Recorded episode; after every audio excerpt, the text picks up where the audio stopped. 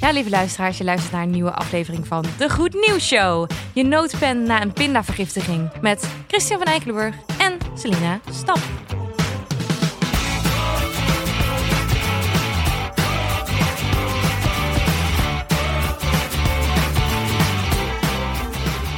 Zeer belangrijk. Zeer belangrijk. Heb jij een eh, pinda-allergie? Nee, gelukkig niet. oh. Kan het echt zo heftig hebben dat mensen gewoon op het vliegtuig, in het vliegtuig niet eens pinda's mogen eten? Wist je dat? Nee. Is dus zo. Ja. Je hebt ook, maar je hebt natuurlijk allerlei soorten eh, allergieën. Ik ken iemand met een sesamallergie. Maar mogen mensen dan ook in de buurt geen sesam eten? Mhm. Echt? Mhm. Oh, Hij zei, als hij, als hij één sesamzaadje binnenkreeg, ja. dan st- moet je meteen, stond je daar met een soort van hulptroepen en dingen. En dus ja, Dat lijkt me echt lastig. is leven. heel lastig. Maar goed, je hebt goed nieuws voor mij vandaag. Ik heb goed nieuws. Ja, want ik zat een beetje te kijken van waar hebben we het nou allemaal over gehad dit seizoen. En waar hebben we het eigenlijk nog niet over gehad. En eigenlijk kwam ik een nieuwtje tegen. Waar we, we, wij hebben het bijvoorbeeld nooit over politiezaken die zijn opgelost. Nee. Nee. En toen dacht ik, laat ik, dat even, laat ik die even pakken. Oké, En het pak daar het. even over gaan hebben. Want er is namelijk een iets internationaal politieteam met Nederlandse topregisseurs in de hoofdrol. En die hebben namelijk 800 criminele kopstukken hebben ze ingerekend. En dat is een maandenlang durende undercover operatie genaamd Anom. En dus in, Neder- in Nederland zijn er dus 49 arrestaties verricht, 25 drugslocaties gesloten en is beslag gelegd op 2,3 miljoen euro. Oh. Is Best wel, ik vind het best wel veel. Maar 800 mensen zijn dus over de hele wereld opgepakt. Ja, criminelen die met elkaar in verbinding staan. Maar goed, ik ga dus Oh. nu vertellen hoe hebben ze dat dan precies gedaan. Vertel. En die rechercheurs die hebben dus via informanten en dekmantelfirma's en undercover agenten hebben ze nieuwe cryptofoons op de markt gebracht. Ja, dit heb ik gelezen. Ja, en die waren zogenaamd niet te kraken. En criminelen konden die telefoons, die kochten ze dus met duizenden tegelijk. En die hebben ze verdeeld, want ze dachten namelijk dat ze dus niet konden worden afgeluisterd. En ze hebben het over witwassen gehad, over drugstransacties en over ernstige strafbare feiten. En de politie heeft dus anderhalf jaar, hebben ze dus meegeluisterd. Dit is echt de slimste operatie aller tijden. In Ja. plaats van proberen die telefoons te kraken, gewoon zelf die telefoons op de markt brengen. En doen alsof het gewoon legit Ja, ik telefoons vind dat zijn. echt cool. Ik hoop ook Dit is dat- echt een film. Dit is echt een film. Ja, en door, de politie kon dus door eh, de locatiebepaling zien waar de smartphones zich op dat moment bevonden. Ehm, en de criminelen dachten dus dat die telefoons voorzien waren van stemvervormers.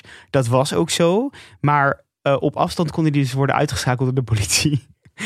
Dus Dit is zo slim. Ja, ik, ik- hou daar echt van. ik hou er ook van. Ik vind het dan, denk ik, oh ja, dan zit je dus, zit je dus ondertussen zit je te bellen met iemand over een of andere drugstransactie. ja. En dan denk je dat je een stemvervormer erop hebt. En dat is helemaal niet zo. Maar wat voor soort zijn het dus voornamelijk drugscriminelen die zijn opgepakt? Of zijn het ook ander soort criminelen? Of echt op ja, drugs er zijn gericht? dus honderden kilo's cocaïne zijn er in beslag genomen. Eh 600, nee, 6000 kilo cocaïne in totaal. In Nederland of wereldwijd? Nee, wereldwijd. Oh ja. En wat dus zo uniek was aan deze operatie is dat er superveel politiegroepen met elkaar hebben samengewerkt. Namelijk de FBI, de Nederlandse, Zweedse, Duitse en Australische politie. Dat is echt best wel uniek. En eh, Europol trouwens ook. En ze noemden dus de Trojan Shield. Dat vond ik ook leuk, omdat van Troje, dat je een soort van Zo noemden ze binnendringt. die telefoons. Nee, nee, zo, zo noemden ze de, de internationale Samenwerking. actie. Ja. Ah, ja. Ik dacht meteen, oh ja, Troje, internationale actie, vet cool. Ja, dat is echt cool. Dit Ja. zou- hoe zouden we deze film noemen?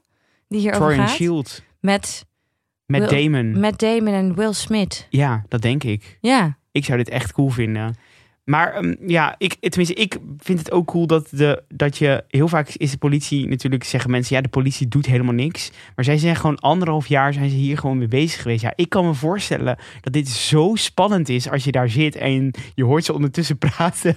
en dat je dan nog niet mag ingrijpen. ja, dat lijkt me ook echt. En gewoon dat je denkt, haha, wat een sukkel. Ze Ja. denken gewoon dat onze telefoons legit zijn en het is niet zo. En stel je voor dat je dus die telefoons hebt gemaakt of geprogrammeerd. En dat die dus uiteindelijk in hand. Ja, die, hier moet zoveel goed gaan. Echt? Ja, want iemand heeft dus ook die telefoons helemaal bedacht Ja. en ontworpen. En hoe gaan we dat op de markt brengen? Er, kan, zo- er kon zoveel fout gaan en alles is goed gegaan Ja. eigenlijk. Eigenlijk, het, het voelt een beetje La Casa de Papel of zo. Alsof, alsof Ah, heb je dat ja. gezien? Nee. nou, dan, eh, nee, maar het voelt een beetje als... Oh, Ocean's Eleven? Ja? Ja, dat vind ik ook zo'n... Dat, maar daar gaat het natuurlijk niet over de politie die wint... maar over de bankovervallers. Ja. Maar dat vind ik... Ik ga daar zo goed op. Ja, ik vind hou dat daar ook van. Zo stiekem en, en helemaal spannend. En of het gaat lukken of niet. Maar ze hebben dus uiteindelijk... Dus al die criminelen hebben ze dus Maar gepakt. dan eigenlijk heb je gewoon al het bewijs wat je ooit zou kunnen willen in een rechtszaak, toch? Ja, zij worden sowieso berecht. Ja, want je hebt en telefoongesprekken, je hebt misschien, ik weet niet of ze foto's of video's konden maken met die. Nou, ik Telefoons? denk, ik denk dat ze die mensen helemaal hebben uitgekleed.